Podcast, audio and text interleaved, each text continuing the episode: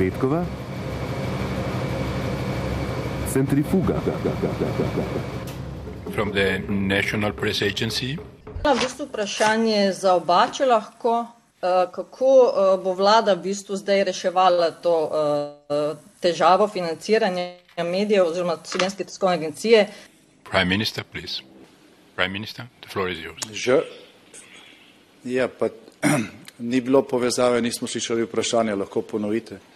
Ni bilo niti slike, niti glasu. I think there is a problem with the connectivity. Mislim, da se ne slišimo. Ne slišimo Ljubljane. Hvala lepa in lepo popovdne vam želim. Tokrat smo jih slišali, sem so. Se slišimo? Dobro.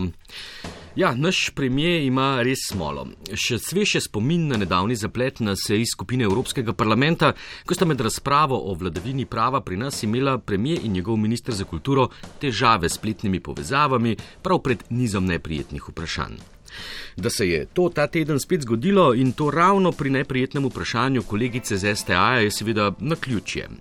Zato je morda čas za razmislek, da vlada zamenja ponudnika telekomunikacijskih storitev ali pa zamenja vzdrževalca računalniške opreme v kabinetu na Gregorčičevi.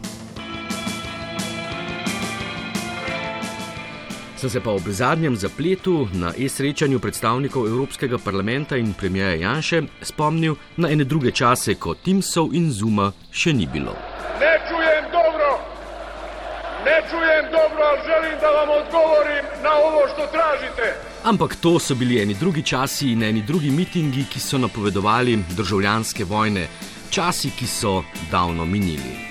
Če boste levici dali prosto pot, da uresniči tisto, da bo z bajoneti nagnala podjetnike v morje, potem je odgovor, ki se ga lahko napišete kar sami. Očitno, kdor se s tem strinja, kdor to tolerira, tisti pelje Slovenijo v državljansko vojno. Čeprav ponovadi ob izjavah poslance Grimsa samo zamahnemo z roko, nas mora vseeno malo zaskrbeti, sploh ker je ta zlovešča napoved našla prostor v enem od predlogov resolucij stranke SDS pred njihovim kongresom. No, po drugi strani pa nas to laži dejstvo, da so teze poslanca Grimsa praviloma na trhlih nogah.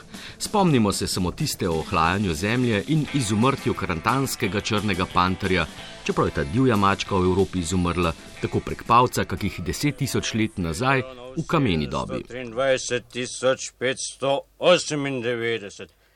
Stoj! Tule pa nekaj ni v redu. Tule se število ne ujema. Tule ena zvezda manjka. Kdo tu manjka? O, mar kdo manjka? Nihče ne manjka. Saj smo vse. Niste vse. Tule se število ne ujema. Ta teden je bil pri nas teden v znamenju štetja in politične matematike. Za izglasovanje ustavne obtožbe rabi oni 46 glasov, to smo vedeli, da ni možno. Koliko jih je bilo proti, je zdaj relativno. To in do petka imamo še kar nekaj časa, da se preštejemo. A bolj kot čista aritmetika je bila ta teden v spredju kombinatorika, verjetnostni račun. Kajti že nekaj časa se ob vsakem glasovanju v državnem zboru zdi, kot da le mečejo kocke. Tako je pred predvidenim unovičnim poskusom menjave predsednika državnega zbora in tako je bilo pred glasovanjem o ustavni obtožbi predsednika vlade, ki je na sejo zamudil, bil tam le kakšno uro in na mesto opravičila povedal. Veliko stvari smo morali predstaviti in čestitke geniju, ki je, ki je ta timing naredil. Res. Toliko absurdnih stvari, da na vse niti nima smisla odgovarjati, tudi se nima smisla prepirati okoli tega. In seveda ni šlo brez prepirov. In oni govorijo potem o sovraštvu, nestrpnosti. Vse so tiho, pojbič, pojbič, no, jaz govorim. Lejte, pojbič zdaj kokodaka, medtem, ko jaz govorim. No, se vem, da je ona igralka in da včasih vse skupaj zamenja in da misli, da je politika igra in da tukaj nastopa, ampak lejte, mi smo vendarle v nekem resnem zboru. Agresivni so, imeli bi vojno, pa dajte jim še orožje, pa bodo kar streljali.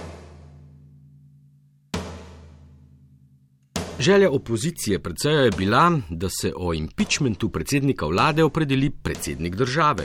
A se ni, vsaj aktualni ne. No, predsednik države se oglaša, ni problem v tem. Problem je v tem, da predsednik vlade slepo podpira vlado. Je neke vrste vazal te vlade. In ker je tako, potem seveda tudi tak nastop v parlamentu verjetno ne bi ničesar spremenil. Predsednik Pahor se odločil za nek pristop, za katerega jaz menim, da ni dober. Tako Danilo Tirk, nekdani o sedanjemu predsedniku države. V odmevih pa je ostro napadel tudi odnos aktualne vlade do medijev, predvsem STA-ja. Posegi proti slovenski tiskovni agenciji presegajo vse meje dopustnega. To je nezakonito početje se strani vlade in ima že sadistične značilnosti. Slovenska tiskovna agencija dela na škrge, nad vodo jo držijo SMS donacije, ki se jih je nabralo za dobrih četrt milijona evrov. Težko je delati v tako negotovih razmerah, eh, ko v bistvu niti ne vemo točno, kakšne namene ima družbenik za nami. Ob tej priložnosti napovedujemo, da bomo iz Društva novinarjev Slovenije predsedniku Borutu Pahorju podali predlog za državno odlikovanje STA-ju. Predsednik Pahor pa nič.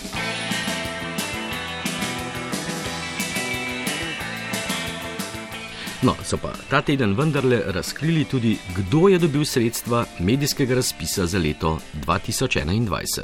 Je komisija odločala nestrokovno in popolnoma po političnih preferencah eh, in tudi ni upoštevala lastnih konfliktov interesov. Hkrati se nam pa ti mediji zdijo problematični z vidika spoštovanja profesionalnih in etičnih standardov v novinarstvu, kar pa očitno za ministrstvo ni nikakršen kriterij. Kritične medije, najbrž tiste, ki so ostali brez sredstev Ministrstva za kulturo, pa je za ključne za poslabšanje ugleda in povečanja nezaupanja državljanov do policije označil direktor policije Olaj. Sklepanje, da je policija v zadnjem letu bolj represivna, mislim, da je na to javno mnenje najbolj, so najbolj vplivali predvsem negativni članki nekaterih časopisov. Mogoče bi bilo smiselno ljudi vendarle vprašati ločeno, koliko zaupajo policistom in koliko vodstvu policije. Rezultati bi bili zagotovo drugačni, a direktor policije je zavrnil pomislek, da je za padec ugleda krivo intenzivno in strokovno vprašljivo kadrovanje in menjave na vseh ključnih položajih v policiji. Ali pa morda pretirana uporaba sile na protestih, kot je bil tisti pred tednom dni pred parlamentom. Danes želimo torej upozoriti, da represija policije navodila, ki jih dajeta Janez Janša in Hojs, ustvarjata konflikte, ustvarjata nemire in ustvarjata nevarnost za vse, ki želimo mirno protestirati. In protesti se bodo, glede na teptanje ustaljenih demokratičnih standardov in uveljavljenih praks ter prilagajanja pravil po meri aktualne vlade, le še stopnjevali.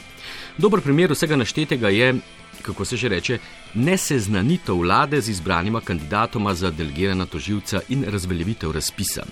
Ministrica Kozlovič je na ta račun že marca postavila rekord v najbolj glasni tišini leta. Boste vi ustrajali pri svojih predlogih? Seveda. E, kaj, če bo pri svojem ustrajal tudi recimo Janez Janša?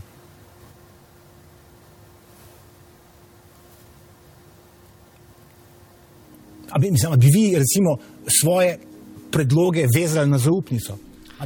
Ministrica je po pol leta kuhanja potegnila kratko in odstopila, njena stranka je obrnila hrbet, nastali madež na že tako popackanem ugledu vladavine prava v Sloveniji pa je eden največjih do zdaj. Jaz tudi pravim, jaz se pridružujem mnenju uglednih pravnih strokovnjakov, ki so se danes izrazili do tega problema in v bistvu to označili za neko pobalinskost.